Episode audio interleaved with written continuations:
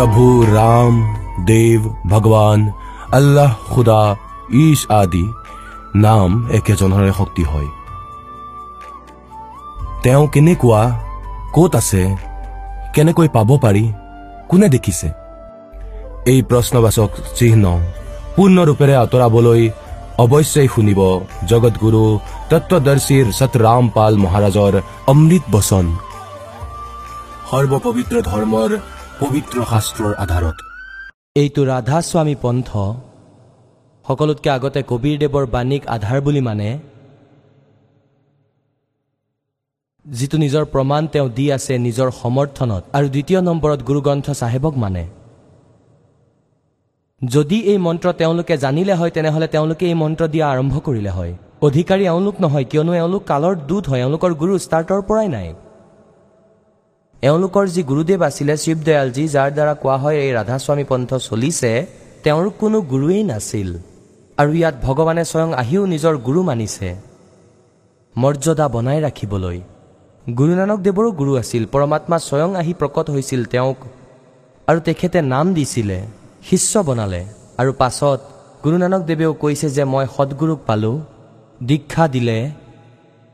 মই সদগুৰুক পালোঁ আৰু মোক দীক্ষা দিলে আৰু শিখ সমাজে কয় যে গুৰু নানক দেৱৰ কোনো গুৰু নাছিলে। গতিকে এয়া ইনকমপ্লিট নলেজ হয় আধৰুৱা জ্ঞান হয় যাক এনেকুৱা বাণী বুলি কোৱা হয়। গতিকে কোৱাৰ অৰ্থ এয়াই যে নানক চাহেবদেৱে পৰমাত্মাৰ আজ্ঞাৰ পালন কৰিলে। আৰু এই সমুদ্ৰৰ ঘটনাক সেইবাবেই নিজ মুখেৰে ক'লে নহ'লেতো উশাহতেই স্মৰণ আছে এওঁৰ কোনেও গম নাপালে জানিয়েই ক'লে যে এতিয়া ইয়াত আঘাত লাগিব। তেতিয়া অহা সকলো অনুগামী এই মন্ত্ৰৰ নিকটলৈ নাহিব আৰু ইয়াৰ সোং সূত্ৰ নাইকিয়া কৰি পেলাব শেষ কৰি পেলাব এনেকুৱাই হ'ল। আৰু সময় অহাৰ পিছত পুনৰ যি সেই সময়ত লীলা কৰিছিল নানক চাহেবে এতিয়া সেয়া প্ৰমাণিত হৈ গ'ল যে নানক চাহেবেও এই দুই অক্ষৰৰ মন্ত্ৰ জপ কৰিছিল দুই আখৰৰ। আৰু নানক চাহেবে গুৰুগ্ৰন্থ চাহেবত লিখিছে যে দো অক্ষৰ কা ভেদ বতাৱে চৈ গুৰু পুৰা কাহাৱে। এতিয়া সংকেত দি গ'ল যে সেইজন গুৰু সম্পূৰ্ণ হ'ব যিয়ে এই দুই অক্ষৰৰ মন্ত্ৰ জপ কৰিব। পুণ্যাত্মাসকল সত্য বুলি মানি ল'বা। এই দাসে ঊনৈছশ অষ্টাশীত এই মন্ত্ৰ প্ৰাপ্ত কৰিছিলে। সেই সময়ত এয়াই মন্ত্ৰ আছিলে যি আজি গুৰু নানক দেৱে ক'লে আৰু সেয়াই দাসে পালে আৰু ঊনৈছশ চৌৰান্নব্বৈত দাসে আদেশ পালে আমাৰ পূজ্য গুৰুদেৱৰ পৰা যে উপদেশ আৰম্ভ কৰি দিয়া নাম দিয়া তুমি। সেই দিনৰ পৰাই আজিলৈকে সেই মন্ত্ৰই দাসে দি আছে। আৰু আমি দেখা নাছিলো গুৰুগ্ৰন্থ চাহেবক। গুৰুগ্ৰন্থ চাহেবততো আমি বহু পিছতহে দেখিলো। ইয়াতো এই মন্ত্ৰ কমপ্লিটকৈ নাই। ঠায়ে ঠায়েহে আছে। বেলেগ বেলেগকৈ লিখা আছে। কিন্তু এনেকুৱা নহয় নিৰ্ণায়ক। প্ৰাণ সংগলিত লিখা আছিলে এয়াও আমি পিছতহে দেখিলোঁ। আৰু বেদতো আমি পাছতহে দেখিলোঁ পৰমাত্মাৰ এই মহিমাক। তেন্তে কোৱাৰ ভাৱ এইটোৱেই যে এই মন্ত্ৰ যিটো আমি প্ৰাপ্ত কৰিলোঁ আৰু যি পৰমাত্মাই স্বয়ং আহি প্ৰদান কৰিলে এই মহাপুৰুষসকলক সেই জপেই আমি কৰি আছিলোঁ আৰু তাৰ পৰাই মুক্তি হ'ব। আৰু ইয়াক লুকোৱা সেইকাৰণেই কম্পালচৰি আছিলে নহ'লে নকলবোৰেও নাম দিলে হয়। আৰু এওঁলোক কালৰ দূত হয় কিয়নো এওঁলোকে আদেশ পোৱা নাই নাম দিয়াৰ অধিকাৰ নাই। তেনেহ'লে আজি আমি ডিফাৰেঞ্চ কেনেকৈ কৰিলোঁ হয় ভিন্নতা কেনেকৈ দেখুৱালোঁ হয় আচল আৰু নকলিৰ? এতিয়া এইটো মন্ত্ৰ হয় সৎনামৰ এই দুই আখৰৰ। ইয়াক সৎনাম বুলি কোৱা হয়। এয়া দুই আখৰৰ মন্ত্ৰ হয়। আৰু তৃতীয় মন্ত্ৰ বেলেগ হয় যিটো সাৰ নাম হয়। ওম আৰু তৎ বুজা এয়া হয়। আৰু সৎ তথাপি ভিন্ন হয়। কোৱা হয় চৌহম শব্দ আমি জগতত আনিছোঁ কবিৰ পৰমেশ্বৰে কয়। আৰু সাৰ শব্দ আমি গুপ্ত স্থানত ৰাখিলোঁ। যিকোনো সৎগ্ৰন্থত গীতা বেদ পুৰাণত কোৰাণ বা বাইবেলত ক'তো এই চৌহং শব্দ নাপাব আপুনি। এয়া কবিৰ বাণীতহে পাব কোৱা হয় চৌহং শব্দ আমি জগতত আনিছোঁ আৰু সাৰ শব্দ আমি গুপ্ত স্থানত ৰাখিলোঁ এতিয়ালৈকে উলিওৱা নাই। এতিয়া এই দাসৰ ওপৰত কৃপা কৰিছে পৰমাত্মাই এই সাৰ শব্দ আপোনালোকক উপলব্ধ কৰোৱা হৈ আছে। আদেশ পৰমাত্মাৰ এই সময়তেই হ'ব লাগিছিলে। কিয়নো ইয়াৰ আগতে আমি অশিক্ষিত আছিলোঁ। ঊনৈছশ সাতচল্লিছত ভাৰত স্বতন্ত্ৰ হ'ল। ইয়াৰ আগতে আমাৰ ইয়াত শিক্ষা একেবাৰেই নাছিলে। ঊনৈছশ একাৱন্নত দাসৰ জন্ম হ'ল দাসক পঠালে পৰমাত্মাই। আৰু ইয়াৰ পিছত একেবাৰেই শিক্ষাৰ বিস্ফোট হ'ল। আজি প্ৰায় সকলো ল'ৰা ছোৱালীয়ে শিক্ষিত আৰু এই শিক্ষা আমাৰ সকলোতকৈ ডাঙৰ শত্ৰু হয় কিয়নো এয়াই আমাক বেইমান বনাই দিলে। সাংসাৰিক সুবিধাবোৰ উপলব্ধি কৰিবলৈ ভাই ভনীৰ মাজৰ মৰম চেনেহো পাহৰি গ'লো। মাক দেউতাককো সন্মান কৰা এৰি দিলোঁ। কিন্তু ইয়াৰ পৰা হোৱা এটা ডাঙৰ লাভ হ'ল যে আমি সৎগ্ৰন্থবোৰক স্বয়ং চিনিব পৰা আৰু বুজিব পৰা হ'লো যাৰ পৰা আমাৰ কল্যাণ সম্ভৱ হয়। সেইকাৰণেই পৰমাত্মাই আজিলৈকে দিয়া নাছিলে এই সমস্যা। সত্য যুগৰ পৰা দ্বাপৰ যুগলৈকে আপুনি চাই লওক এই জনতাসকলক এই জুইত জ্বলিব নিদিলে শিক্ষা নামৰ এটা বিশেষ বৰ্গ আছিলে। তেওঁলোক কেৱল সৎগ্ৰন্থ পঢ়িবলৈ শিক্ষিত হৈছিলে। আৰু নহ'লে ইয়াত চতুৰতা অলপ বেছিয়েই হৈছিলে বেইমানি বেছিয়েই বিয়পি পৰিছিলে। আপুনি এটা অফিচত গৈ চাই লওক জুই লাগি আছে। কোনেও সহজভাৱে কথা নাপাতে টকাৰ বাহিৰে কোনেও একো নকয়। এবাৰত কিবা ক'ব দ্বিতীয়বাৰত আকৌ কিবা মিছা ক'ব গোটেই দিন কৰ্ম কৰিব তেওঁ নিজৰ আৰু তেওঁৰ ঘৰত গৈ চাই ল'ব কেনেকৈ সকলো ভাগি পৰিছে। এজন ব্যক্তি আহিলে ইয়ালে তেওঁৰ দুজন ল'ৰা দুয়োজনেই পংগু। আৰু কিছুদিনৰ পিছত তেওঁ ক'লে যে মই এনেকুৱা তেনেকুৱা চাকৰি কৰোঁ এনেকুৱা কৰোঁ তোমাৰ কৰ্মইতো সকলো শেষ কৰি দিলে তুমিতো নিজেই নিজৰ শেষ কৰি দিলা এতিয়া যি টি কোৱা বন্ধ কৰা ক'লে যে যিদিনাৰ পৰা নাম ল'লোঁ সেইদিনাৰ পৰা এৰি দিলোঁ এই ঘোচ লোৱা আৰু চোৱা এয়া কেনেকৈ ভাঙি পৰিছে তেওঁৰ ঘৰখন तो अपने आत्माओं जैसे कर का जहर का रंगोरी हो कहो कौन तिस खावे राम रंगोरी हो এই বিষক কোনে খাব যেতিয়া আকৌ জ্ঞান হ'ব দাসে বিচাৰে যে আপোনাক ইমান চালাক বনাই দিওঁ যে আপুনি এই বিষ দেখা পায়। এতিয়া যি ক্ৰিয়াবোৰ তুমি কৰি আছা যাক ডাঙৰ আশাৰে নিৰ্ভয়ে কৰি আছা এতিয়া কি প্ৰসংগ চলি আছে যে কি বস্তুৰে মুক্তি প্ৰাপ্ত হ'ব? সেই মন্ত্ৰ হৈছে সতনাম আৰু সতনাম হৈছে দুটা আখৰৰ। আৰু এই ৰাধাস্বামীসকলৰ সতনামৰো কোনো ঠিকনা নাই। সেই সতনাম খোৱাই নে পাণ কৰাই এতিয়া অলপ ৰিহাৰ্চল কৰাই দিওঁ এইবিলাকৰ। এতিয়া এই ৰাধাস্বামী শ্ৰদ্ধালুসকলে কি কয় যে আমাৰ গুৰুৰ জ্ঞান বেদ আৰু গীতাতকৈ ওপৰৰ হয়। আৰু আমাৰ বেদৰ আৰু গীতাৰ কোনো আৱশ্যকতা নাই। আৰু আমিতো ত্ৰিকুটিৰ পৰাই আৰম্ভ কৰোঁ তলৰখিনিৰ আমাৰ প্ৰয়োজন নাই। পুণ্যাত্মাসকল Trikuti is the international airport. Trikuti এয়া ধৰা যে আন্তঃৰাষ্ট্ৰীয় বিমানবন্দৰ হয়। আন্তঃৰাষ্ট্ৰীয় বিমানবন্দৰত যেতিয়া মানুহ যায় তেতিয়া তেওঁলোকৰ প্ৰথমতে পাছপৰ্ট লাগে। উদ্দেশ্য হ'ল এইটো যে বিদেশত যাবলৈ পাছপৰ্ট বনোৱা হয় প্ৰথমে। যাবৰ কাৰণে যি টিকট লাগে সেয়াও তেওঁলোকৰ কটোৱা হ'ল। আৰু সেই টিকট আৰু পাছপৰ্ট বনোৱাৰ আগত তেওঁ কি কৰিব লাগে? নিজৰ দেশৰ ন' ডিউ চাৰ্টিফিকেট ল'বলগীয়া হয়।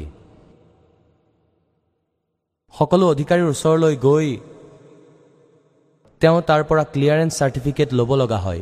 তেতিয়াহে তেওঁ এয়াৰপৰ্টলৈ যাব পাৰিব বিদেশলৈ যাব পাৰিব। এতিয়া আমাৰ শৰীৰৰ ভিতৰত যি আছে এয়া আমাৰ শৰীৰ হয়। ইয়াৰ ভিতৰত আমাৰ আত্মা আছে জীৱ আছে। আৰু ইয়াৰ বেক বন যিটো মাজৰ হাড়ডাল ইয়াৰ ভিতৰত ভিতৰৰ ফালে কমল আছে পুষ্প আছে। এই হাড়ডাল য'ত শেষ হয় এই পায়ুৰ ওচৰত ইয়াৰ পৰা দুই আঙুল ওপৰত ভিতৰৰ ফালে মূল কমল আছে। গণেশজীৰ বাস হয়। আৰু ইয়াৰ ওপৰত দুই আঙুল ওপৰত সাবিত্ৰী ব্ৰহ্মাদেৱৰ বাস হয়।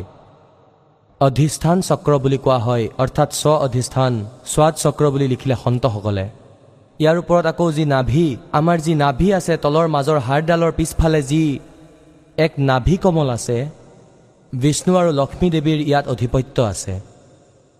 আৰু হৃদয় কমলৰ এয়া হৃদয় হাৰ্ট নহয় হৃদয় মানে মাজৰ। অৰ্থাৎ দুয়ো স্তনৰ মাজৰ ইয়াত বেক ছাইডত মাজৰ হাড়ডালৰ ভিতৰৰ ফালে বেকবনৰ ভিতৰত। তেন্তে ইয়াত এটা বাৰপাহীৰ কমল অৰ্থাৎ এটা চক্ৰ আছে ইয়াত শিৱ আৰু পাৰ্বতীৰ স্থান আছে। আকৌ এই কণ্ঠকমলত ইয়াত নহয় ইয়াত ইয়াৰ সন্মুখত বেকত ইয়াত য'ৰ পৰা মাজৰ হাড়ডাল অলপ বেণ্ড হয়। ইয়াত বাৰপাহীৰ কমল আছে। এই ইয়াত ইয়াত শিৱ আৰু পাৰ্বতীৰ বাৰ পাহীৰ আছে আৰু দুৰ্গাৰ যি আছে ষোল্ল পাহীৰ। এক কমলৰ দৰে আকৃতিৰ ঘৰৰ দৰে বনা আছে কমলৰ পাহীৰ দৰে। তেন্তে এনেকৈ এই সকলো এই প্ৰধান অফিচৰ কাৰ্যালয় আমাৰ শৰীৰত আছে। আত্মা চলিব হৃদয় কমলেৰে। হৃদয় কমলত ইয়াৰো বাস আছে কিয়নো এটা স্থানতে সকলো ধৰণৰ ব্যৱস্থা থাকে। তেন্তে এনেকৈ গোটেই বিশ্ব ব্ৰহ্মাণ্ডৰ যেনেকৈ টেলিভিছন থাকে সেই যি টেলিভিছন তাত চেনেল লগোৱা হয়। এনেকৈ শৰীৰত চেনেল আছে। সেই চেনেলৰ কাৰ্যক্ৰম যিটো চেনেলত অন কৰিবা সেইটো চেনেলতেই হ'ব সেয়া কাৰ্যক্ৰম বেলেগত হ'ব কিন্তু দৃষ্টিগোচৰ ইয়াত হ'ব। এইটো তেনেকুৱাই। তেতিয়া যেতিয়া আমি য'ত থাকিম আমাৰ মূল কমলৰ পৰা আৰম্ভ হ'ব। আমি সেই ন' ডিউ চাৰ্টিফিকেট ল'ম। তেন্তে মই আপোনাক এই মন্ত্ৰ দিম এওঁৰ পৰা য'ৰ ঋণ যিমানেই থাকক এই প্ৰধানসকলৰ আপুনি সমাপ্ত হোৱা পাব। আৰু আপোনাৰ ন' ডিউ চাৰ্টিফিকেট বনাই থোৱা পাব এওঁলোকৰ ওচৰত। আৰু তেতিয়া আহিব আপুনি ত্ৰিকুটি লৈ তাতেই আপোনাৰ এই দুই মন্ত্ৰ জপৰ উপাৰ্জন আপোনাৰ কামত আহিব। তেওঁলোকৰ লগততো এটাও আখৰ নাই পাঁচোটা কালৰ। আৰু কথা কয় তেওঁলোকে ত্ৰিকুটিত যোৱাৰ। এওঁলোকে ত্ৰিকুটিটো এনেকুৱা বনাই ৰাখিছে যে বৰৱালাৰ বাছ ষ্টেণ্ডহে কোনোবা খোজকাঢ়ি যোৱা বা ৰিক্সাৰে গ'লেই পাই যাব। ল'ৰা ধেমালি নহয় এই ত্ৰিকুটিলৈ যোৱাটো। আৰু এই মন্ত্ৰৰে আৰু এই পৰমাত্মাৰ শৰণেৰে তালৈ যোৱাটো একেবাৰেই সহজ। আৰু এওঁলোকৰ জ্ঞান দেখুৱাওঁ যিসকলে বেদৰ ওপৰতো তেওঁলোকৰ জ্ঞান বুলি কৈছে। চাব সাৰ বচন ৰাধা স্বামী বাৰ্তিক ৰাধা স্বামী সৎসংগ ব্যাসৰ পৰা প্ৰকাশিত। এয়া হৈছে সাৰ বচন বাৰ্তিক। প্ৰকাশক হৈছে জগদীশ চন্দ্ৰ শেঠী ছেক্ৰেটেৰী ৰাধা স্বামী সৎসংগ ব্যাস ডেৰা বাবা জেমল সিং পঞ্জাৱ দুহেজাৰ তিনিত ষোল্ল নম্বৰ সংস্কৰণ চপোৱা হৈছে। আৰু এয়া ইয়াৰ printed in India by Lakshmi offset printers Delhi এয়া ভূমিকা আছে ইয়াত ইয়াত স্পষ্ট লিখা আছে যে সাৰ বচন ৰাধা স্বামী বাৰ্তিক হজুৰ স্বামীজী অৰ্থাৎ শিৱদয়ালজীৰ মহাৰাজৰ বচনৰ সংগ্ৰহ আছে এই বচন সৎসংগীসকলৰ এয়া অন্য চৰ্চাৰ সৈতে সৎসংগীসকলে নোট কৰিছিলে। স্বামীজী মহাৰাজৰ পৰমধাম যোৱাৰ কিছু বছৰৰ পিছত ইয়াৰ সংগ্ৰহ কৰি পুস্তক ৰূপত চপোৱা হৈছিলে। চন ঊনৈছশ দুইত। আজি ঊনৈছশ এঘাৰ হৈ গ'ল দুহেজাৰ এঘাৰ হৈ গ'ল। এশ ন বছৰ হৈ গ'ল এই অজ্ঞানক পঢ়ি পঢ়ি। ঊনৈছশ দুইত বাবা জেমল সিং দেৱ মহাৰাজে সাৰ বচন ৰাধাস্বামী বাৰ্তিক প্ৰথমবাৰৰ বাবে গুৰুমুখী লিপিত ছপাইছিলে। পুস্তক প্ৰস্তুত পুস্তক সেই গুৰুমুখী প্ৰথম গুৰুমুখী সংস্কৰণৰ অনুসৰি আছে আৰু এয়া ইয়াৰ হিন্দী সংস্কৰণত প্ৰকাশিত কৰা হৈ আছে। ঊনৈছশ দুইতো পাঞ্জাবী ভাষাত ছপোৱা হৈছিল ইয়াৰ আগতেও ছপোৱা হৈছে আৰু ইয়াৰ পিছত হিন্দীত বনোৱা হ'ল। এতিয়া এওঁ কোন আছিলে সেই পৰমধনীজন যিজনে এই পুস্তকৰ বচন ক'লে? স্বামীজী মহাৰাজৰ শুভনাম শেঠ শিৱদয়াল সিংজী আছিলে। তেখেতে পঁচিছ আগষ্ট ওঠৰশ ওঠৰত আগ্ৰা চহৰত জন্মগ্ৰহণ কৰিছিলে। তেখেতৰ দেউতাকৰ নাম শেঠ দিলৱালী সিংজী আছিল আৰু মাতৃৰ নাম মহামায়াজী আছিল। তেখেতৰ বংশধৰ পাঞ্জাৱৰ বাসিন্দা আছিল আৰু লগতে ঘৰত গুৰুগ্ৰন্থ চাহেবৰ পাঠ হৈছিলে সদায়। দেখিলে যদি এওঁ এই মন্ত্ৰ পাই গ'লহেঁতেন তেওঁ এই মন্ত্ৰ দিবলৈ আৰম্ভ কৰিলেহেঁতেন। তেখেতৰ মাতা পিতা হথৰছৰ প্ৰসিদ্ধ সন্ত তুলসীদাস তুলসী চাহেবৰ ভগত আছিলে। স্বামীজী মহাৰাজেও তুলসীদাস চাহেবক যথেষ্ট মানিছিলে। যিজন এই পুস্তকৰ লেখক শিৱদয়ালজী ৰাধাস্বামী পন্থৰ প্ৰৱৰ্তক তেওঁ তুলসীদাস হাথৰছৰ বচন শুনি ৰাখিছিলে। শৈশৱৰে পৰা স্বামীজী মহাৰাজৰ স্বভাৱ আধ্যাত্মিক ফালে আছিল। তেওঁ এটা কোঠালিতে বহি সোতৰ বছৰ সুৰত শব্দ যোগৰ অভ্যাস কৰিলে। তেওঁ প্ৰমাণ লৈছিল গুৰু নানক চাহেবৰ বাণীৰ পৰা কিন্তু নিজে আৱৰ্জনা কঢ়িয়াইছিল হঠ যোগ কৰিলে সোতৰ বছৰলৈকে সুৰত শব্দ যোগৰ অভ্যাস কৰিলে। আৰু চন ঊনৈছশ এষষ্ঠিত বসন্ত পঞ্চমীৰ দিনা খোলাখুলিকৈ সাধাৰণ সৎসংগ আৰু সুৰত শব্দ যোগৰ উপদেশ দিয়া আৰম্ভ কৰিলে আৰু আকৌ আহিল এনেকৈ গোন্ধ বিয়পালে। এতিয়া ইয়াতে চাব ৰাধাস্বামী দয়ালৰ দয়া এই পুস্তকতে চলি আছে। খোলাচা হজুৰ উপদেশ হুজুৰ ৰাধাস্বামী চাহেবৰ এই শিৱদয়ালজীকে ৰাধাস্বামী ক'বলৈ ধৰিলে। বচন ইয়াৰ পৰাই আৰম্ভ হয় এই জগত নাশবান হয়। এই দফা এয়া গীতাৰ দৰেই শ্লোক হয় এওঁলোকৰ। মন্ত্ৰ সংখ্যা দফা একত কি লিখা আছে? কেৱল কাম ইমানেই যে মানৱ অৰ্থাৎ মনুষ্যই নিজৰ শৰীৰ অৰ্থাৎ আত্মাক নিজৰ পুঁজি আৰু নিকাশ অৰ্থাৎ লক্ষ্য সৎনাম আৰু ৰাধাস্বামীক অৰ্পণ কৰিলে। এতিয়া সৎনামক লক্ষ্য অৰ্থাৎ স্থান বনালে সৎনামক আৰু ৰাধাস্বামীকো সৎনাম ক'লে। এতিয়া তৃতীয় স্থানত কি লিখা আছে? বচনত যিমানেই আচাৰ্য মহাত্মা আৰু অৱতাৰৰ আৰু পৈগম্বৰ এখন সমাজতেই হৈছে। এই সকলোৱেই নিজৰ অভ্যাসৰ জোৰেৰেই অন্তৰেৰে লক্ষ্যৰ ফালে আগবাঢ়িল। তেওঁ কৈ আছে যে তেওঁলোকে খেলি মেলি কৈ আছে নহয় ইয়াত মিছা কথা কৈ আছে। ঠিক আছে চোৱা কোনো দুৰ্লভ সন্ত মঞ্জিল অষ্টমৰ অৰ্থাৎ ৰাধাস্বামীৰ ইয়াত কৈছে কেৱল সন্ত মহলা পঞ্চম অৰ্থাৎ সতনাম। ইয়াত সতনাম মহলা হয়। ইয়াত সতনাম মহলা। আৰু পিছলৈ লক্ষ্য মহলা কোৱা লক্ষ্য কোৱা স্থান কোৱা একেই কথা হয়। ঠিক আছে এতিয়া ইয়ালৈ আহোঁ আমি। এতিয়া এই বচন নম্বৰ চাৰি ইয়াত পোন্ধৰ নম্বৰ পৃষ্ঠাত। এয়া হৈছে সাৰ বচন বাৰ্তিক ভাগ এক পঢ়ি আছোঁ। ইয়াৰ চাৰি নম্বৰ বচনত এতিয়া বুজিব লাগে যে ৰাধাস্বামী পদ সকলোতকৈ উচ্চ স্থানত হয়। লক্ষ্য কোৱা স্থান কোৱা। আৰু এয়াই নাম কুল মালিক আৰু সঁচা চাহেবৰ হয়। ৰাধাস্বামীয়েও কয় যে সঁচা চাহেবৰ হয় সৎপুৰুষৰ আৰু সঁচা ভগৱানৰ হয় আৰু এই লক্ষ্যৰ পৰা অৰ্থাৎ ৰাধাস্বামীৰ স্থানৰ পৰা দুটা লক্ষ্য। ৰাধাস্বামীৰ স্থানৰ পৰা দুটা স্থান তলত সৎনামৰ স্থান আছে। এতিয়া সৎনামক ইয়াত স্থান বুলি কৈ আহিছে ইয়াত চাব। ইয়াত তৃতীয় বচনত কি কোৱা হৈছে? যে কেৱল সন্ত মহলা পঞ্চমৰ অৰ্থাৎ সতনাম পালে সতনাম স্থান হ'ল আৰু এটা বচনত চোৱা। কাম ইমান মানুহৰ অৰ্থাৎ নিজৰ শৰীৰ নিজৰ আত্মাক তেওঁৰ পুঁজি আৰু নিকাশ অৰ্থাৎ লক্ষ্য সতনাম মুকাম মানে স্থান স্থান সতনাম এতিয়া পুনৰ আহোঁ আমি চাৰি নম্বৰলৈ পোন্ধৰ নম্বৰ পৃষ্ঠালৈ। চাৰি নং বচনত কোৱা হয় এতিয়া বুজিব লাগে যে ৰাধাস্বামী পদ সকলোতকৈ শীৰ্ষ স্থানত আৰু এই নামেই কুল মালিক আৰু সঁচা চাহেব আৰু সঁচা ভগৱানৰ হয়। আৰু এই লক্ষ্যৰ পৰা অৰ্থাৎ ৰাধাস্বামী স্থানৰ পৰা দুই স্থান তলত সৎনামৰ মুকাম আছে। সৎনামৰ স্থান আছে স্থানৰ স্থান আছে। সৎনামক এওঁলোকে কি কৈছিলে প্ৰথমতে? লক্ষ্য মুকাম এই স্থানৰ স্থান। এয়া এওঁলোকৰ খেলি মেলি থিয়ৰী আৰু এওঁলোকে নিজকে পৰম ধনী বুলি কয়। সতনাম অৰ্থাৎ এয়া ধৰি লোৱা স্থানৰ স্থান হয়। স্থানৰ দুই স্থান তলত স্থানৰ স্থান আছে। মুকাম সতনামৰ মুকাম। এতিয়া এই সতনামৰ আগলৈ ডিফাইন কৰিছে এওঁলোকে খুব ভালদৰে বিস্তৃতভাৱে কিহক এই সতনামক সন্তসকলে সতলোক সতনামক সৎস্কন্ধ সতনামক সাৰ শব্দ সতনামক সৎ শব্দ সতনামক আৰু সতনামক সতনাম আৰু সৎপুৰুষক সতনাম বুলি কৈছে। কি কম বেদতকৈও বেছি জ্ঞানীসকল সকলো খেলি মেলি কৰি দিলে। এতিয়া এওঁলোকৰ জ্ঞান এনেকুৱা হয় যে কোনোবাই সপোনতো যিয়ে কাৰ দেখা নাই কেৱল শুনিছিলহে কাৰোবাৰ পৰা জংঘলত থাকে চহৰৰ পৰা এশ কিলোমিটাৰ দূৰত আৰু তেওঁ বেলেগক ভ্ৰমিত কৰে যে মই কাৰত ঘূৰা ফুৰা কৰোঁ চহৰে চহৰে যাওঁ বাটেদি চলে কাৰ। এতিয়া আকৌ তেওঁ কিহেৰে চলে কাৰ? পেট্ৰলেৰে। কোনে চলায় ড্ৰাইভাৰে? তেতিয়া তেওঁক কোনোবাই যদি সোধে কাৰ কেনেকুৱা সোধা হয় যদি ড্ৰাইভাৰ কাক কয় চহৰ কেনেকুৱা বাট কেনেকুৱা পেট্ৰল কেনেকুৱা তেতিয়া তেওঁ ডিফাইন কৰে যে ৰাস্তাও কাৰকেই কয় পেট্ৰলো কাৰকেই কয় চহৰো কাৰকেই কয় আৰু ড্ৰাইভাৰো কাৰকেই কয়। সেই মূৰ্খই এয়া কি ডিফাইন কৰিলে? এতিয়া এওঁ সতনামক ডিফাইন কৰিব গৈছে। এওঁৰ পৰম ধনী শিৱদয়ালজী যাৰ পৰা ৰাধাস্বামী পন্থৰ আৰম্ভ হ'ল কয় যে সতনামক সতলোক বুলিও কোৱা হয় সৎপুৰুষ বুলিও কোৱা হয় সতনাম বুলিও কোৱা হয়। সাৰ নামো সতনামো সাৰ শব্দও আৰু সৎপুৰুষো সতনামেই হয় আৰু সতনাম স্থান হয়। আৰু দেখুৱাওক এই সতনামৰ ভেৰিফিকেশ্যন কি হ'ব।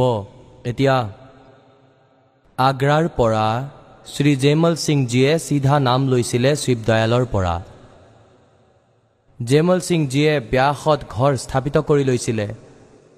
ইয়াৰ লগে লগেই উত্তৰাধিকাৰী হ'ল চাৱন্ত সিংজী আৰু চাৱন্ত সিংজীৰ পৰাই এটা বিলচিস্তানী শ্বাহ মস্তানা পুণ্যাত্মাসকল এওঁৰ জন্মপত্ৰী যেতিয়ালৈকে আপোনালোকে বুজি নাপাব তেতিয়ালৈকে আপুনি বুজি নাপাব তুমি ক'ত আছা আৰু ক'ত বহি আছা।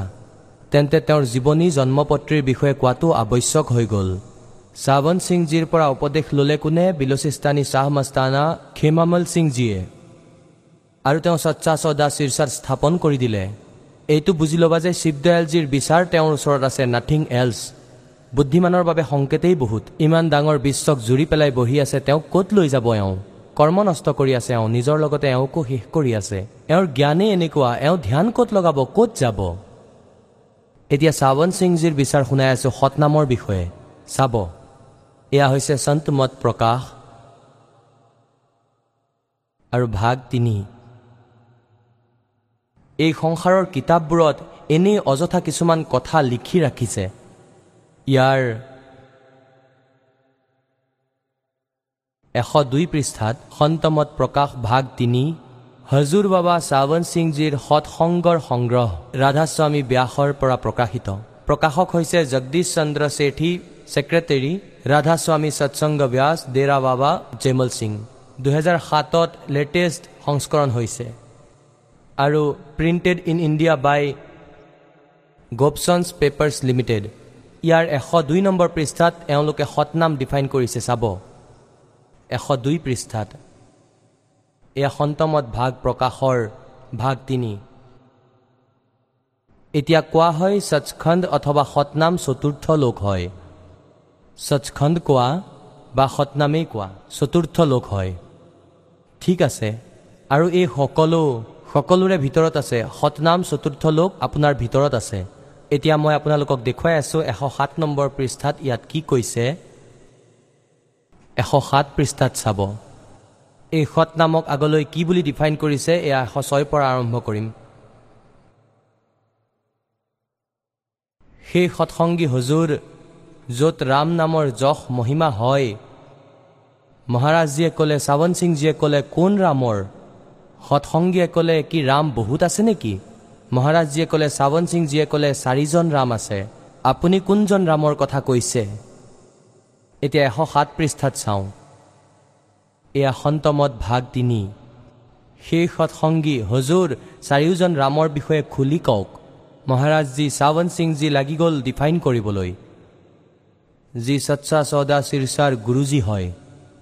এক ৰাম দশৰথ গাৰ্ডলে एक राम घट घट में बोला एक राम का सकल पसारा एक राम त्रिभुवन से न्यारा এতিয়া চাব প্ৰথম ৰাম ৰজা দশৰথৰ পুত্ৰ যিজনৰ ত্ৰেতা যুগত অৱতাৰ হৈছিলে অৱতাৰ হৈ আহিলে আৰু নিজৰ ডিউটি কৰি গুচি গ'ল কিন্তু এতিয়া আৰু আমি তেওঁক নাপাওঁ আমাৰ কামো নকৰে দ্বিতীয় ৰাম মন হয় যি ঘাটে ঘাটে ব্যাপিত আছে তৃতীয় ৰাম ব্ৰহ্ম হয় যিজনে গোটেই ত্ৰিলোকৈক উৎপন্ন কৰিলে পোহপাল কৰে আৰু নাশ কৰে আৰু চতুৰ্থ ৰাম সতনাম হয় আৰু এইজনেই আচল ৰাম হয় কি হ'ব এওঁ চাগে ভাং ভুং খাই আহিছিলে নেকি এতিয়া চতুৰ্থ ৰাম সতনাম হয় আৰু এওঁৱে আচল ৰাম হয় এওঁলোকে এতিয়ালৈকে সতনামক বুজিয়েই নাপালে অৰ্থ কি হয় আৰু এওঁলোক পাৰ হ'ব পৰমাত্মাই কি কয় मोती मुक्ता दर्शत नाही ये जग है सब अंदरे दिखत के तो नैण चसम इनका फेरा मोतिया बंदरे চকুত চানি পৰিছিলে এওঁলোকৰ কখৰো জ্ঞান নাই এতিয়া চাওক গুৰু গ্ৰন্থ চাহেবৰ কিমান ভাল ৰেফাৰেঞ্চ লৈ ৰাখিছে এওঁলোকে শ্ৰাৱণ সিংজীয়ে সন্তমত প্ৰকাশ ভাগ চাৰিত तो गुरु ग्रंथ साहब में लिखा कि दो अक्षर का भेद बतावे सोए गुरु पूरा कहावे এই দুই আখৰ কি কি আছিল যি গুৰু নানকজীৰ আপোনালোকে পঢ়িছে বাৰে বাৰে নকওঁ এতিয়া চাব সন্তমত প্ৰকাশ ভাগ চাৰি এয়া শ্ৰী শ্ৰাৱণ সিংজীৰ সৎসংগৰ বচনৰ সংগ্ৰহ হয়।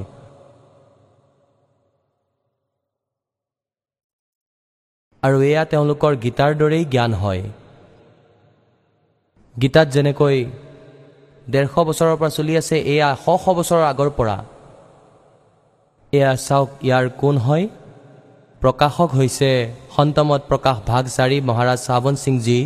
প্ৰকাশক সেৱা সিং ছেক্ৰেটেৰী ৰাধাস্বামী সৎসংগ ব্যাস ডেৰা বাবা জেমল সিং জিলা অমৃতসৰ আৰু এয়া প্ৰথমবাৰ দুহেজাৰ দুইলৈকে দহ বাৰৰ বাবে ছপোৱা হৈছে। দুহেজাৰ দুইলৈকে পোন্ধৰ হাজাৰ অৰ্থাৎ ষাঠি সত্তৰ হাজাৰতকৈও অধিক ছপোৱা হ'ল। মুদ্ৰক হৈছে Sartaj printing press Tara road Joshi estate Jalandhar.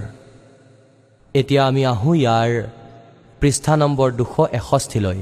ইয়াত শ্ৰাৱণ সিংজীয়ে अक्सर रूप निखरती चाली छोड़ दिया अब देश बेगाना এয়া হ'ল অমৃতবাণী শিৱদয়ালৰ আৰু মোকলাব গৈ আছে শ্ৰাৱণ সিংজীয়ে চাব এই সংসাৰ ক্ষৰ হয় আৰু যি অক্ষৰ হয় তেওঁ ব্ৰহ্ম হয় আৰু নিঃঅক্ষৰ পাৰ ব্ৰহ্ম হয় যেতিয়া এই সংসাৰ হ'ল তেতিয়াৰে পৰা আমি ইয়াতেই থাকি আহিছোঁ কিন্তু এতিয়া গুৰুৰ কৃপাত আত্মাই এই মহল এৰি ইয়াৰ পৰা সতলোকলৈ গৈ আছে গুৰু গ্ৰন্থ চাহেবত বহুতো গভীৰ আৰু গুপ্ত ৰহস্য আছে গুৰু গ্ৰন্থ চাহেবৰ ৰেফাৰেঞ্চ দি আছে এয়া এটা স্থানত আহে बावन अक्षर लोक तरफ है तरह सब है कुछ इनके माही ये अक्षर खिर जाएंगे वो अक्षर इनमें नाही অৰ্থাৎ ইয়াৰ সংকেতটো গুৰুগ্ৰন্থ চাহেবত নানকদেৱৰ বাণীত আছে এই আচল মন্ত্ৰ এই বেদত নাই আৰু এয়া এতিয়ালৈকে লিখা নগ'ল। কিয়নো সেই সময়ত কবীৰ পৰমেশ্বৰজীৰ পূজনীয় কবীৰ পৰমেশ্বৰজীৰ বাণী লিখা হোৱা নাছিলে যেতিয়া গুৰুগ্ৰন্থ চাহেবৰ নানক চাহেবে বাণী কৈছিলে। বাৱন্ন আখৰ সংস্কৃত ভাষাৰ হয়। এনেকুৱা ভাষা সম্ভৱ নায়েই। ইয়াৰ অনুবাদ কৰি আছে এয়া। শ্ৰাৱণ সিংজীয়ে যাৰ বাৱন্ন আখৰ আছে এই সংসাৰৰ সকলো খেল এই বাৱন্ন আখৰতেই আহি যায়। পিণ্ড অণ্ডৰ অৱস্থাটো এই বাৱন্ন আখৰতেই আহি পৰিলে।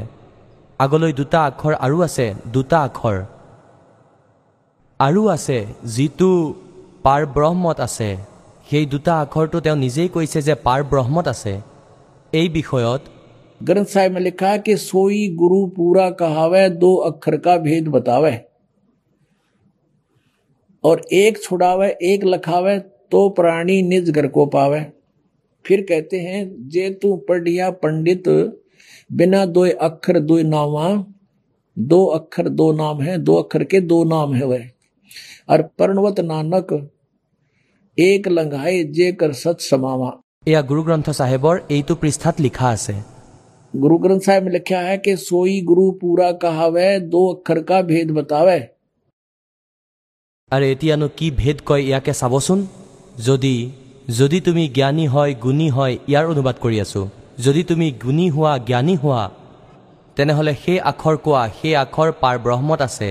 এতিয়া প্ৰশ্ন কৰিছে আৰু উত্তৰ দি আছে শ্ৰাৱণ সিংজীয়ে এইটোতো পাৰ ব্ৰহ্মত আছে এই দুটা আখৰ। এটা আখৰে বিশ্ব ৰচিলে আৰু এটা আখৰে সতলোক বনালে। কি ক'ম? আৰু এয়াই কবিৰ চাহেবে কয় কবিৰ আখৰ দৈ ভাগ আৰু খচম ৰাখ? এতিয়া গুৰু গ্ৰন্থ চাহেবত কবিৰ চাহেবৰ বাণী লিখিছে তিনিশ ঊনত্ৰিছ পৃষ্ঠাত। কৈ আছে কবীৰ চাহেবে কেহ কবীৰ অক্ষৰ দুই ভাগ ভাগ মানে কৈ পেলাই শুনোৱা আৰু এওঁ কয় আগলৈ পাম পাৰ ব্ৰহ্মত সেই আখৰ পাৰ ব্ৰহ্মত পাব আগলৈ দুটা আখৰ আছে যিটো পাৰ ব্ৰহ্মত আছে মৰাৰ পিছত পাব আৰু ইয়াত ৰেফাৰেঞ্চ দি আছে যিসকল মহাপুৰুষৰ বাণীক তেওঁলোকে কৈ আছে দুই আখৰ কোৱা ভাগ মানে দুই আখৰৰ নাম দিব লাগে তো হয়েগা খচম তো লয়েগা ৰাখ অৰ্থাৎ এই নাম দিয়াৰ অধিকাৰী কোনো সন্ত যদি আছে তেনেহ'লে আগলৈ ৰক্ষা হ'ব गुरु नानक साहिब जी कहते हैं एक अक्षर हर मन बस नानक होत निहाल এটা আখৰ আৰু আছে যিটো সাৰ নাম হয় তৃতীয় মন্ত্ৰ হয় ইয়াৰ ফালে সংকেত হয় এইটো এই সন্তসকলৰ মহাপুৰুষৰ বাণী ভগৱানৰ বাণী সঠিক কিন্তু এয়া এওঁলোকে বুজিব নোৱাৰিলে एक सतान पर फिर गुरु गुरु साहिब कहते हैं वेद कतेब सिमरत सब सासत इन पढ़ा मुक्त न होई एक अक्षर जो गुरमुख जापे तिसकी এতিয়া গুৰু গ্ৰন্থ চাহেবৰ এই সাতশ সাতচল্লিছ নম্বৰ পৃষ্ঠাত এয়া লিখা আছে যে এই আখৰৰ জপ জপ কৰিব লাগে গুৰুমুখে অৰ্থাৎ গুৰু ধাৰণ কৰি গুৰুমুখ হৈ এয়া জপ কৰিব লাগে আৰু এয়া বাৰে বাৰে কৰিব লাগে। এয়া চাব। এয়া আখৰ আপোনাৰ ভিতৰত আছে আৰু পাৰ ব্ৰহ্মত গৈ পাব এয়াই অনুবাদ কৰিছে শ্ৰাৱণ সিংজীয়ে এতিয়া বাণীয়ে কি কৈ আছে গুৰু গ্ৰন্থ চাহেবৰ? এক অক্ষৰ্য গুৰুমুখ জাপে এয়াতো জপ কৰিব লাগে গুৰুমুখ হৈ গুৰুজীৰ শিষ্য হৈ পৰম সন্ত হৈ আৰু এয়া কৈ আছে সেই আখৰ আপোনাৰ ভিতৰত আছে মৰাৰ পাছত পাব আৰু পাৰ ব্ৰহ্মত গৈ পাব তেওঁ। যেতিয়া ভূত হৈ যাব এয়া চোৱা তেওঁলোকৰ বুদ্ধি বাণীয়ে কি কৈ আছে অনুবাদ কি কৰি আছে। তেন্তে এতিয়ালৈকে আমি তেওঁলোকক পৰম সন্ত মানি ডাউট কৰা নাছিলোঁ। এতিয়া তেওঁলোকৰ একো থিয়ৰিয়ে সঠিক নাপাবা তোমালোকে চাই ল'বা এই ধৰ্ম আমাৰ ধৰ্ম নহয় এই জাতি আমাৰ জাতি নহয় এই দেশ আমাৰ দেশ নহয়। আমাৰ দেশ স্বচ্ছখণ্ডহে আমাৰ জাতি সতনাম এওঁলোকে সতনামেই বুজি পোৱা নাই কি ক'বলৈ ধৰিছে এয়া চাওক। কি ক'ম? আমাৰ ধৰ্ম সৎপুৰুষ হয় এওঁলোকৰ ধৰ্ম এয়া সৎপুৰুষহে এই পৰৰ দেশ এৰি আত্মা নিজৰ দেশলৈ গৈ আছে। এতিয়া চোৱা এই আত্মা পুৰণা ঘৰক এৰি য'ত লাখ জন্ম থাকিল সেয়া এৰি তেওঁ সতনামলৈ গৈ আছে। এয়া চাওক যি টি কৈ আছে। এতিয়া এওঁলোকে অৰ তোৰ কথা কিছুমান কৈ আছে আৰু এয়া ৰাধাস্বামী পন্থৰ লগত জুৰিছে। এতিয়া চোৱা ভিতৰৰ শব্দৰ অৰ্থ হৈছে ওম শব্দ সোহম শব্দ আৰু সৎ শব্দ। এয়া গীতাজীৰ তৃতীয় অধ্যায়ৰ সোতৰ নম্বৰ অধ্যায়ৰ তেইছ নম্বৰ শ্লোকত ক'ৰবাত শুনিছিলে আৰু ইয়াত আনি এয়া জুৰি দিলে। আৰু সৎ শব্দ ইয়াৰ বিষয়ে নাজানেই। পৰমাত্মাই কয় চৌহম শব্দ মই জগতলৈ আনিলোঁ। আৰু এয়াতো এতিয়া মই লুকুৱাই ৰাখিলোঁ কৈ দিছোঁ তৃতীয় আৰু ক'ত। আৰু তেওঁ ইয়াৰ জপো নকৰে। আৰু এই দুই আখৰ যি হয় এয়া সম্পূৰ্ণ গুৰুৱে ক'ব। ছই গুৰু পুৰা কাহাৱে দুশ এষষ্ঠি পৃষ্ঠাত এই সন্তমত ভাগৰ গুৰুগ্ৰন্থ চাহেবৰ বাণীত লিখা আছে ছই গুৰু পুৰা কাহাৱে দুই অক্ষৰ কা ভেদ বাতাৱে। সেয়াটো এতিয়াই ক'ব জীৱিত অৱস্থাত। মৰাৰ পাছত কি ক'ব আকৌ যোৱাৰ পিছত? স্পষ্ট কৰি আছে গুৰুগ্ৰন্থ চাহেবৰ বাণীত অৰ এক চোৰাৱে এক লখাৱে ওমৰ জপ কৰি কালৰ পৰা এৰাব। আৰু দ্বিতীয় মন্ত্ৰ হৈছে এইটো। এইটোৱে আমাক সৎলোকৰ গুহালৈকে লৈ যাব সেই মন্ত্ৰই। আগলৈ নিব নোৱাৰে যেতিয়ালৈকে সাৰ নাম নহ'ব। তেওঁ তাৰ পৰা দৰ্শন কৰিব পাৰিব যে সৎলোক হয় কিন্তু যাব নোৱাৰিব। মাজত পাৰদৰ্শক আছে বৃহৎ সীমা আছে। এয়া বনাই ৰাখিছে পৰমাত্মাই। সেইটোতো এটা মন্ত্ৰ হয় পৃথককৈ পাব। এক চোৰাৱে এক লখাৱে। এই দুটা আখৰত কোৱা আছে। তেন্তে পুণ্যাত্মাসকল এতিয়া আৰু দেখুৱাইছো। ইয়াৰ বিষয়ে কি কৈছে ভগৱানে?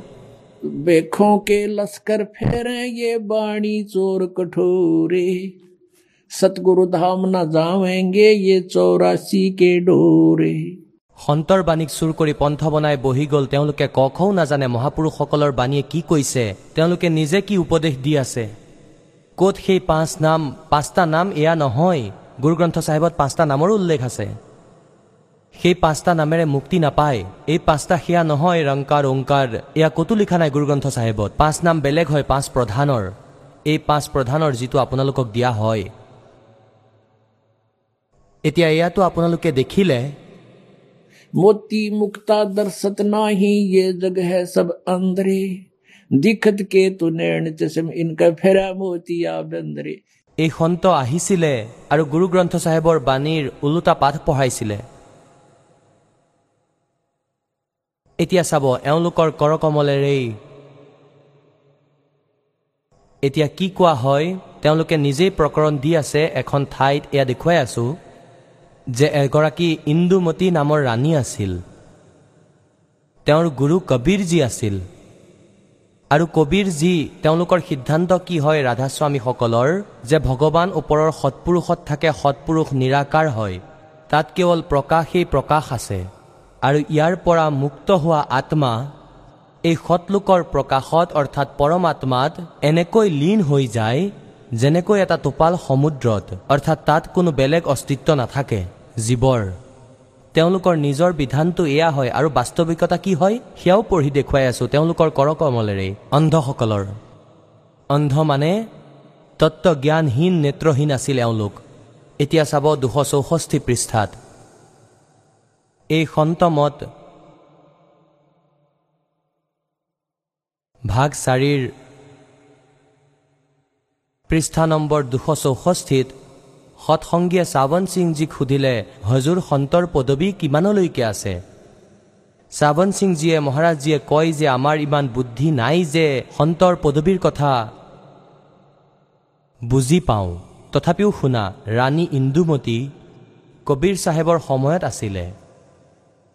আকৌ প্ৰথমে কবীৰ চাহেব মালিকত গৈ বিলীন হ'ল।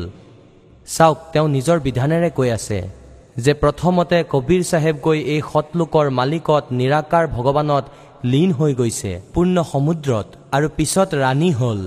আৰু ৰাণীও সেই সমুদ্ৰত বিলীন হৈ গ'ল ডুবি মৰি গ'ল। আৰু যেতিয়া ৰাণীয়ে সচখণ্ডলৈ গৈ কবীৰ চাহেবৰ পদবীক দেখিলে তেতিয়া ক'ব ধৰিলে মহাৰাজ যদি প্ৰথমে আপুনি প্ৰথমেই কৈ দিলে হয় যে মই অকাল পুৰুষ হয় ময়েই পৰমাত্মা ময়েই সৎপুৰুষ হওঁ তেতিয়া মই ভজন সুমৰণ কৰি কৰি ব্যৰ্থ চিন্তিত নহ'লো হয়। তেতিয়া কবীৰ চাহেবে উত্তৰ দিলে তুমি সেই সময়ত বিশ্বাস নকৰিলা হয়। এতিয়া চাওক তেওঁলোকৰ থিয়ৰী অন্ধৰ। কয় যে প্ৰথমতেতো কবীৰ চাহেব গৈ মালিকত বিলীন হৈ গ'ল আৰু পিছত ৰাণী ডুবি মৰি গ'ল তাত বিলীন হৈ গ'ল। আৰু আকৌ ক'লে সচখণ্ডত গৈ ৰাণীয়ে কবীৰ চাহেবৰ পদবী দেখিলে আৰু ক'ব ধৰিলে মহাৰাজ তেওঁলোকে কোৱা মতেতো তেওঁলোক দুয়ো ডুবি মৰি গৈছিলে তেওঁলোকৰ থিয়ৰী মতে। আকৌ ক'লে কেতিয়া ঘূৰি আহিল? এয়া চোৱা তেওঁলোকৰ বুদ্ধি গাঁৱলৈ গৈ আছে তেওঁলোকৰ বুদ্ধি। এতিয়া দুয়োৱে ক'ব ধৰিলে ক'লে যে দুয়ো সচখণ্ডলৈ গ'ল আৰু পদবী দেখিলে কবিৰ চাহেবৰ তেতিয়া ক'বলৈ ধৰিলে ৰাণীয়ে যে মহাৰাজ যদি আপুনি প্ৰথমেই কৈ দিলে হয় যে মই অকাল পুৰুষ হওঁ তেওঁ আছিলেই অকাল পুৰুষ তেওঁতো পৰমাত্মা আছিলে। এতিয়া এই কথাটোতো সঁচাই কিন্তু তেওঁলোকৰ উদাহৰণ তেওঁলোকৰ অপজিট। পুনৰ তেওঁ ক'লে কেনেকৈ বেলেগ বেলেগ অস্তিত্ব আছে ভগৱানৰ আত্মাৰ আৰু পৰমাত্মাৰ। আকৌ দেখুৱাই আছোঁ এটা এশ ঊনানব্বৈ পৃষ্ঠাত। এয়া চাব। এই জ্ঞানহীনসকলৰ পুস্তকতেই চাই লওক সন্তমত প্ৰকাশ ভাগ চাৰি। আৰু এয়া চাওক এশ ঊনানব্বৈ পৃষ্ঠা। ইয়াত কয় যে এই প্ৰকাৰেই ৰাণী ইন্দুমতী আছিলে যেতিয়া তেওঁ কবিৰ চাহেবে সচখণ্ডলৈ লৈ গ'ল। তেতিয়া তেওঁ তাত গৈ দেখিলে যে কবিৰ চাহেবেই সৎপুৰুষ হয়। এতিয়া কোৱা তোমাৰ বুদ্ধি ক'ত ৰৈ গ'ল? যেতিয়া জানিলা কবিৰ চাহেব সৎপুৰুষ হয়। ক'ত গ'ল তোমাৰ পৰম ধনী? কবিৰ চাহেব সৎপুৰুষ হয় তেওঁ পূৰ্ণ পৰমাত্মা হয় এয়া একেবাৰেই সত্য। ইন্দুমতীৰ একেবাৰে এনেধৰণেই প্ৰকৰণ আছে। কয় যে হাই হাই যদি আপুনি আগতেই কৈ দিলে হয় যে মই সৎপুৰুষ হওঁ তেতিয়াহ'লে মই আপোনাৰ সেৱা নকৰিলোঁ হয় নেকি? কবিৰ চাহেবে কৈছে যে তুমি বিশ্বাস নকৰিলা হয়। এতিয়া যিহেতু তুমি আহি গৈছা তেনেহ'লে তুমি নিজেই বিচাৰ কৰি লোৱা। এতিয়া এইটো একেবাৰেই সঁচা যে তাত অস্তিত্ব দুয়োৰে বেলেগ বেলেগ হয়। ভগৱান ৰূপত কবিৰ পৰমেশ্বৰ তাত সিংহাসনত বিৰাজমান আছে আৰু তালৈ যোৱা আত্মা ইন্দুমতীয়ে যেতিয়া পৰমাত্মাক তাত দেখিলে যেতিয়া ক'লে আপুনিতো সঁচাকৈ সৎপুৰুষ হয়। আৰে এই অন্ধবোৰে নিজেই লিখিছে এই কথা। আৰু তথাপি শিৱদয়ালক পৰম ধনী বুলি কৈছে এওঁলোকে। আৰু তাত কয় যে কবিৰ চাহেব বিলীন হৈ গ'ল পিছত ৰাণী বিলীন হৈ গ'ল।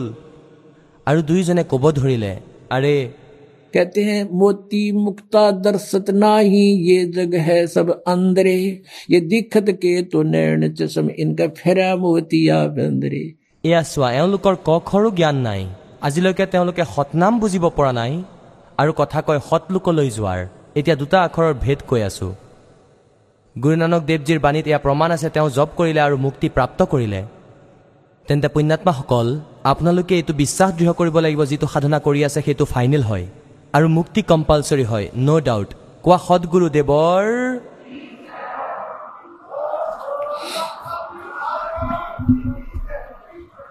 পৰম পিতা পৰমেশ্বৰ পূৰ্ণ ব্ৰহ্ম। কবিৰ দেৱজী কবিৰ পৰমেশ্বৰজীৰ অসীম কৃপাৰে আপোনাসকল পুণ্যাত্মাই এই সৎসংগ শুনিবলৈ পালে। সৎসংগলৈ আহিলে প্ৰাণীৰ আত্মজ্ঞানৰ লগতে পৰমাত্মাৰ জ্ঞানো হয়। আত্মজ্ঞানৰ অৰ্থ হ'ল আমি কোন হয় ক'ৰ পৰা আহিলোঁ কেনেকৈ ইয়াত এই জন্ম আৰু মৃত্যুৰ এই ঘোৰ সংকটত আমি কেনেকৈ আবদ্ধ হ'লোঁ। এয়া সৎসংগৰ পৰা জানিব পাৰি। আৰু পৰমাত্মাৰ জ্ঞান সেই পৰম অক্ষৰ ব্ৰহ্মৰ জ্ঞানো সেই সৎসংগৰ পৰাই পোৱা যায়।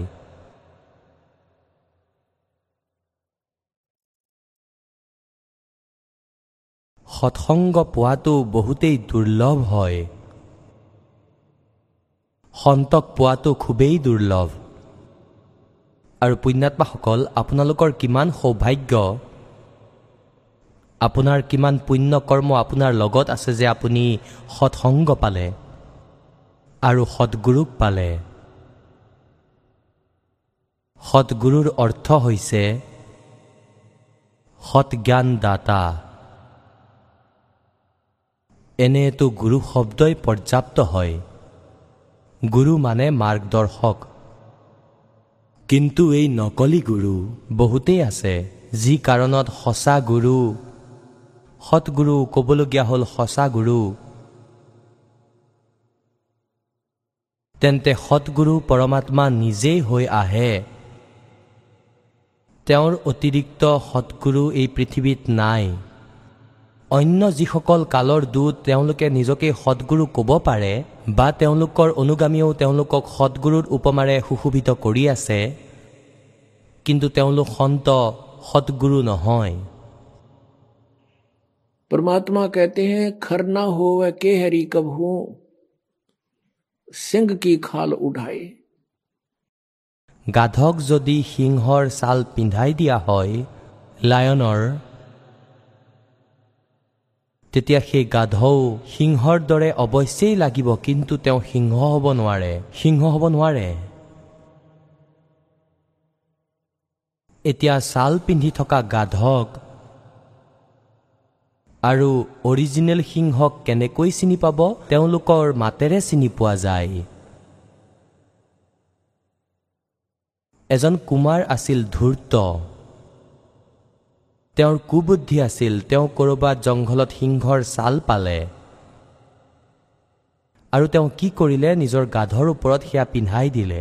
গধূলি খেতিত এৰি দিলে। খেতিত ৰখীয়া আছিল খেতিৰ সিহঁতে দেখিলে চন্দ্ৰৰ পোহৰত যে সিংহ থিয় হৈ আছে সিংহ আহিল সিহঁত পলাই গ'ল গাঁৱলৈ। আৰু সেই গাধই খুব ঘাঁহ আৰু খেতি খালে আৰু ভাল শকত হৈ পৰিল। এনেকৈ সকলোফালে ৰাতি চিঞৰ বাখৰ লাগি গ'ল যে ৰাতি সিংহ আহে আৰু খেতি খাই যায়। এজন অন্য কুমাৰে গম পালে যে সিংহইতো ঘাঁহ খাব নোৱাৰে। তেওঁ গম পাই গৈছিল যে এনেকৈ নিশ্চয় কোনোবাই ধেমালি কৰি আছে কোনো কুমাৰে বেমেজালি কৰি আছে গাধ পালি আছে। তেওঁ আহি গাঁৱত ক'লে যে মই সিংহক ধৰিম। গাঁৱৰ মানুহে ক'লে যে নহয় ভাই খাই পেলাব তোমাকো।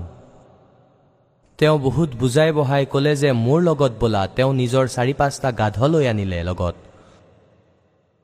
আৰু ক'লে যে তুমি ওপৰত বহা গছৰ ওপৰত উঠি। আৰু চাই ল'ব লাগিব যদি বাঘ হয় সিংহ হয় তেনেহ'লে গাধক সি খাবলৈ আহিব। সেইকাৰণে গাধক তাত থিয় কৰাই দিলে। আৰু দহ বিছজন ব্যক্তি আছিলে তাত গছত উঠি বহি গ'ল সিংহৰ ভয়ত। আৰু অলপ পিছতেই গাধবোৰে নিজৰ মাত মাতিলে। আৰু চাৰি পাঁচটা যি গাধ আছিল নিজৰ সুৰত সুৰ মিলালে। আৰু সিফালে যিটো গাধ আছিল সিংহৰ ছাল পিন্ধাই ৰাখিছিল সেই গাধতেও সুৰত সুৰ মিলালে। সিও সেই মাততেই মাতিব ধৰিলে। ধৌচিও ধৌচিও সিও তেনেকৈ আহি থিয় হৈ গ'ল। এনেকৈ জঁপিয়াই থাকোঁতেই তাৰ ছাল এৰাই গ'ল গাৰ পৰা। তাক পিছত ধৰিলে কুমাৰক গাঁওবাসীয়ে মাৰিব ধৰিলে। ঠিক আছে খেতি খুৱাইছ খুৱাইছ কিন্তু আমাক ইমান ভয়ো খুৱালি। তেন্তে পুণ্যাত্মাসকল গাধ আৰু সিংহৰ মাতেৰে পৰিচয় হয়। সৎগুৰু আৰু অসৎগুৰুৰ তেওঁলোকৰ জ্ঞানেৰে পৰিচিত হয়। এতিয়া এই জ্ঞান আপোনালোকৰ সন্মুখত কৰিব এই দাসে যে সৎগুৰু অৰ্থাৎ সিংহৰ স্বৰ কেনেকুৱা হয়। আৰু নকলি সৎগুৰুৰ স্বৰ কেনেকুৱা হয়? তেওঁলোকৰ জ্ঞানেৰে বুজি পাব পাৰি সৎগুৰু আৰু অসৎগুৰু তেন্তে পুণ্যাত্মাসকল পৰমেশ্বৰে ছশ বছৰ আগতে কৈছিলে যে যেতিয়া তেওঁ লীলা কৰিবলৈ আহিছিলে যেনেকৈ ভগৱানে কৰে আপোনালোকক সৎগ্ৰন্থত প্ৰমাণ দিলোঁ কালি ৰাতিৰ ভিতৰত যে সেই পৰমাত্মা সৎলোকত থাকে। আৰু তাত মনুষ্য সদৃশ শৰীৰত আছে তেওঁ। তেজস্বী শৰীৰ তেওঁৰ। এডাল নোমৰ গুৰিত কোটি সূৰ্য কোটি চন্দ্ৰ মিলাই দিয়া এডাল নোমৰ গুৰিৰ পৰা ইমান ৰশ্মি ওলায় পৰমাত্মাৰ। যেতিয়া সেই পৰমেশ্বৰ ইয়ালৈ নিজৰ সন্তানক চম্ভালিবলৈ আহে তত্বজ্ঞান প্ৰচাৰ কৰিবলৈ আহে তেতিয়া তেওঁ নিজৰ ৰূপক সৰল কৰি আহে নৰ্মেল। আৰু তেওঁ দুটা স্থিতিতে আহে। এটাটো প্ৰত্যেক যুগতেই শিশুৰূপ ধাৰণ কৰি এটা লীলা কৰে যিটো ইয়াৰ নিৰ্ধাৰিত হয় সুনিয়োজিত প্ৰথমৰ পৰাই। উদ্দেশ্যত হয় আৰু আকৌ এটা কোনো পূৰ্বজন্মৰ সংস্কাৰিক প্ৰাপ্ত হয়। তেওঁ শিশুজনক লৈ যায় পৰমাত্মাই কুমাৰী গাইৰ গাখীৰ পান কৰে। পুণ্যাত্মাসকল আপোনালোক শিক্ষিত। পৰমাত্মাক চিনি পোৱাটো অতি সহজ হৈ গ'ল। আমি এতিয়ালৈকে ভগৱানক চিনি পোৱা নাছিলোঁ আৰু আমি নিজৰ সদগ্ৰন্থবোৰক সত্যও মানিছিলোঁ আৰু যিজন সন্ত বা ঋষিয়ে সদগ্ৰন্থৰ আধাৰত আমাক এইটো ক'লে যে এনেকুৱা পুৰাণত এনেকুৱা লিখা আছে শিৱ পুৰাণত এনেকুৱা বিষ্ণু পুৰাণত এনেকুৱা মাৰ্কণ্ডেয় পুৰাণত এনেকুৱা দেৱী পুৰাণত এনেকুৱা আৰু বেদত এনেকুৱা তেন্তে আমি সত্য মানি ল'লোঁ। যে এওঁলোক সংস্কৃতৰ জ্ঞাতা হয় এওঁলোকে সৎগ্ৰন্থবোৰক সঠিকভাৱে বুজিব পাৰিছে। এতিয়া তেওঁলোকে আমাক কি ক'লে যে শ্ৰী ব্ৰহ্মাজী শ্ৰী বিষ্ণুজী শ্ৰী শিৱজী এয়া ছুপ্ৰিম পাৱাৰ হয় অজৰ অমৰ হয় এওঁলোকৰ কোনো মাতা পিতা নাই। তেতিয়া আমাৰ কোনো ডাউট নহ'ল কাৰণ আমি বিদ্যাৰ্থীহে। আৰু যাক আমি গুৰু মানিছিলোঁ এতিয়া বিদ্যাৰ্থীয়ে গুৰুৰ বচনত যদি দুখ উলিয়ায় তেনেহ'লে বিদ্যাৰ্থী ঠিক নহয়। এতিয়া বিদ্যাৰ্থী তেওঁলোকতো জিজ্ঞাসু হয় যেনেকৈ শিক্ষকে পঢ়াব তেওঁলোকে গ্ৰহণ কৰিব। এতিয়ালৈকে আমাৰ লগত এনেকুৱাই হৈ আছে যে নকলি গুৰুসকলে যিয়েই লোকবেদ শুনাইছে আমি সঁচা মানি ল'লোঁ। সত্য মানিলোঁ আৰু আজিলৈকে সেই সেই বিজুলী পৰা নাই আমাৰ ওপৰত। আমি শাস্ত্ৰ বিৰুদ্ধ জ্ঞান গ্ৰহণ কৰিলোঁ শাস্ত্ৰ বিৰোধী সকলো সাধনা কৰি আছিলোঁ আৰু আমাৰ সকলো পূৰ্বপুৰুষ ভূত হৈ গ'ল। পিছত তেওঁলোকৰ শ্ৰাদ্ধ কৰা হ'ল। যদি সাধনাই ঠিক হ'ল হয় তেনেহ'লে ভূত হোৱাৰ কোনো আৱশ্যকতাই নাছিলে। আৰু প্ৰেত হোৱাৰ পিছত সি খাব কি? কেনেকুৱা মূৰ্খ বনাই থৈছিল আমাক। আমাৰ মাতা বা পিতা ককা আইতাই যেনেকৈ শৰীৰ এৰি গ'ল যেতিয়া তেওঁলোক জীৱিত আছিলে দিনটোত তিনি তিনিবাৰ আহাৰ গ্ৰহণ কৰিছিলে। প্ৰতিদিনে আৰু পিছত তিনিশ চৌষষ্ঠি দিনৰ পৰা এটা দিনত তেওঁৰ তৃপ্তিৰ বাবে শ্ৰাদ্ধ কৰা হ'ল আৰু পেট ভৰাই খুৱাই দিয়া হ'ল। সেই নকলি গুৰুক তিনিশ চৌষষ্ঠি দিন কি খাব তোমাৰ পিতৃয়ে?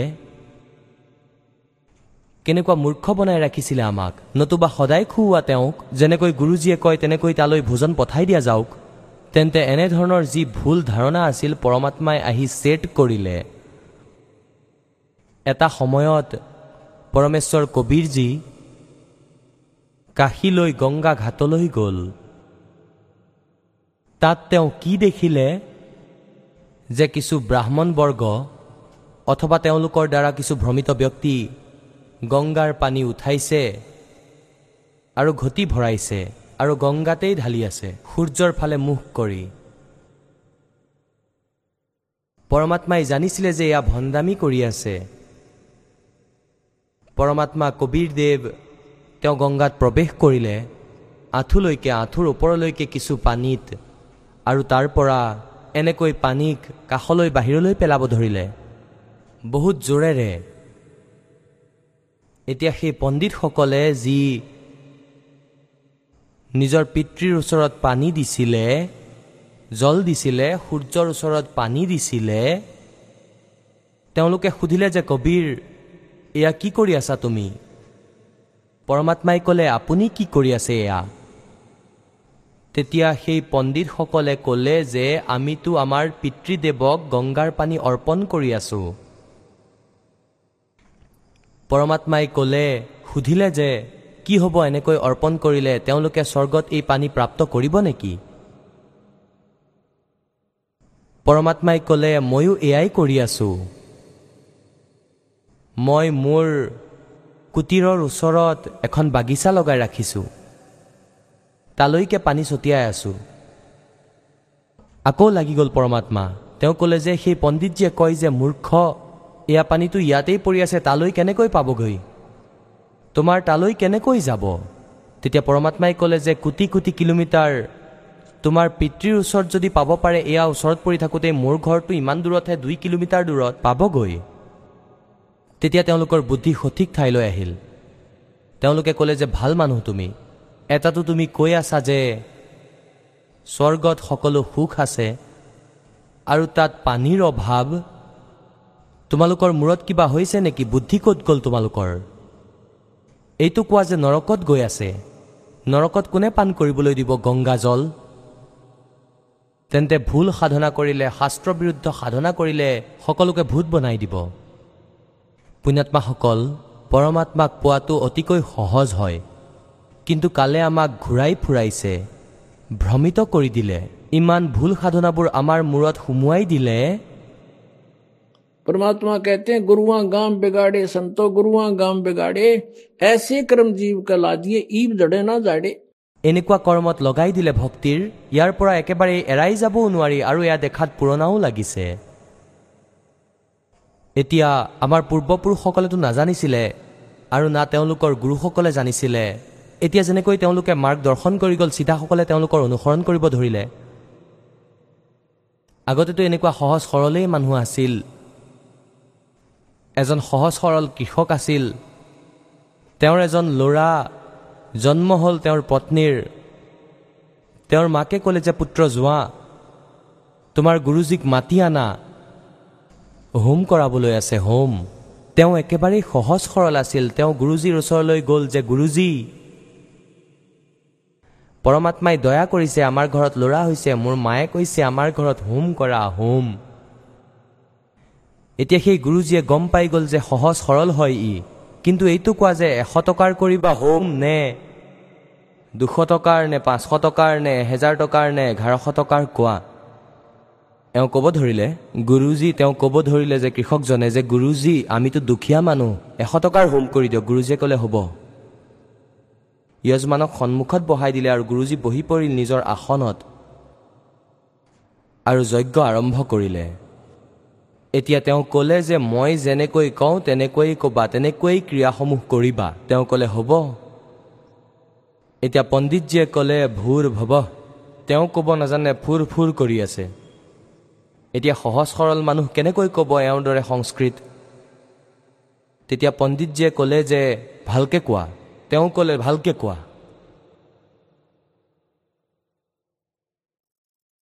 এতিয়া গুৰুজীয়ে তাক এটা থাপৰ মাৰিলে আৰু সিও মাৰি দিলে গুৰুজীক। শেষত কি হ'ল? দুয়োৰ মাজত বগৰা বগৰী লাগিল।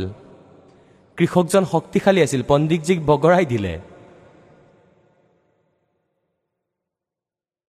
এতিয়া পণ্ডিতজীয়ে এই বিপদৰ পৰা কেনেকৈ ওলাব সেয়া ভাবিলে। তেতিয়া তেওঁৰ মনলৈ আহিলে যে মই যেনেকৈ কৈ আছো তেওঁ তেনেকৈয়ে কৰি আছে। গতিকে তেওঁ ক'লে যে এৰি দিয়া তেতিয়া তেওঁ এৰি দিলে।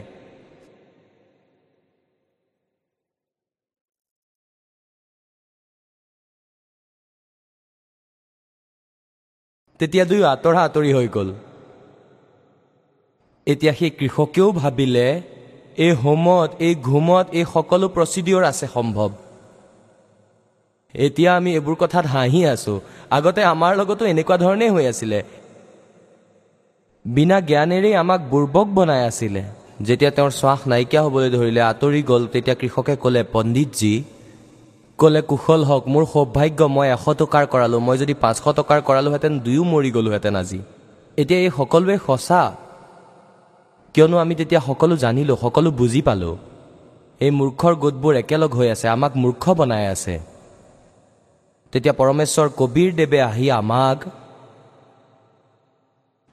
এই তত্ত্বজ্ঞান প্ৰথমতেই আহি বুজাবলৈ চেষ্টা কৰিছিলে। কিন্তু শিক্ষাৰ অভাৱত আমি সেই নকলি গুৰুসকলক সৎগুৰু মানি আহিলোঁ। এই ঋষিসকলক এই মহৰ্ষিসকলক যিসকল নকলি আছিল তেওঁলোকক বেদৰ জ্ঞানদাতা বুলি মানি আছিলোঁ। যি কাৰণে আজিলৈকে আমি কষ্টত ভুগি আছোঁ ইয়াক আজিলৈকে আমি ভুগি আছোঁ। তেন্তে পুণ্যাত্মাসকল এতিয়ালৈকে একো বেয়া হোৱা নাই কিয়নো এয়াতো অসংখ্য জন্মৰ অগণন জন্মৰ সমস্যা আছিলে। এতিয়াই সমাধান হৈ যাব একো ডাঙৰ কথা নহয়। পৰমাত্মা কবিৰ পৰমেশ্বৰজীয়ে আমাক মনত পেলাই আছিল সেই সময়ত কাৰণ তুমি যি সাধনা কৰি আছা এয়া শাস্ত্ৰ বিৰুদ্ধ হয়। আৰু শ্ৰী ব্ৰহ্মা শ্ৰী বিষ্ণু শ্ৰী শিৱজী এওঁলোক নাশৱান হয়। এওঁলোকৰ জন্ম মৃত্যু হয় এওঁলোক অবিনাশী হয়। এই কথাৰ পৰা আগতে আমাৰ যি শ্ৰোতা আছিল তেওঁলোকে মনত দুখ পাইছিল। তেওঁলোকে আকৌ গৈ কয় নিজৰ গুৰুসকলক যে কবিৰে এনেকুৱা কৈছে। তেওঁ কয় যে ব্ৰহ্মা বিষ্ণু মহেশ্বৰ নাশবান হয় এওঁলোকৰ জন্ম মৃত্যু হয় তেওঁলোকৰ মাতা পিতা আছে।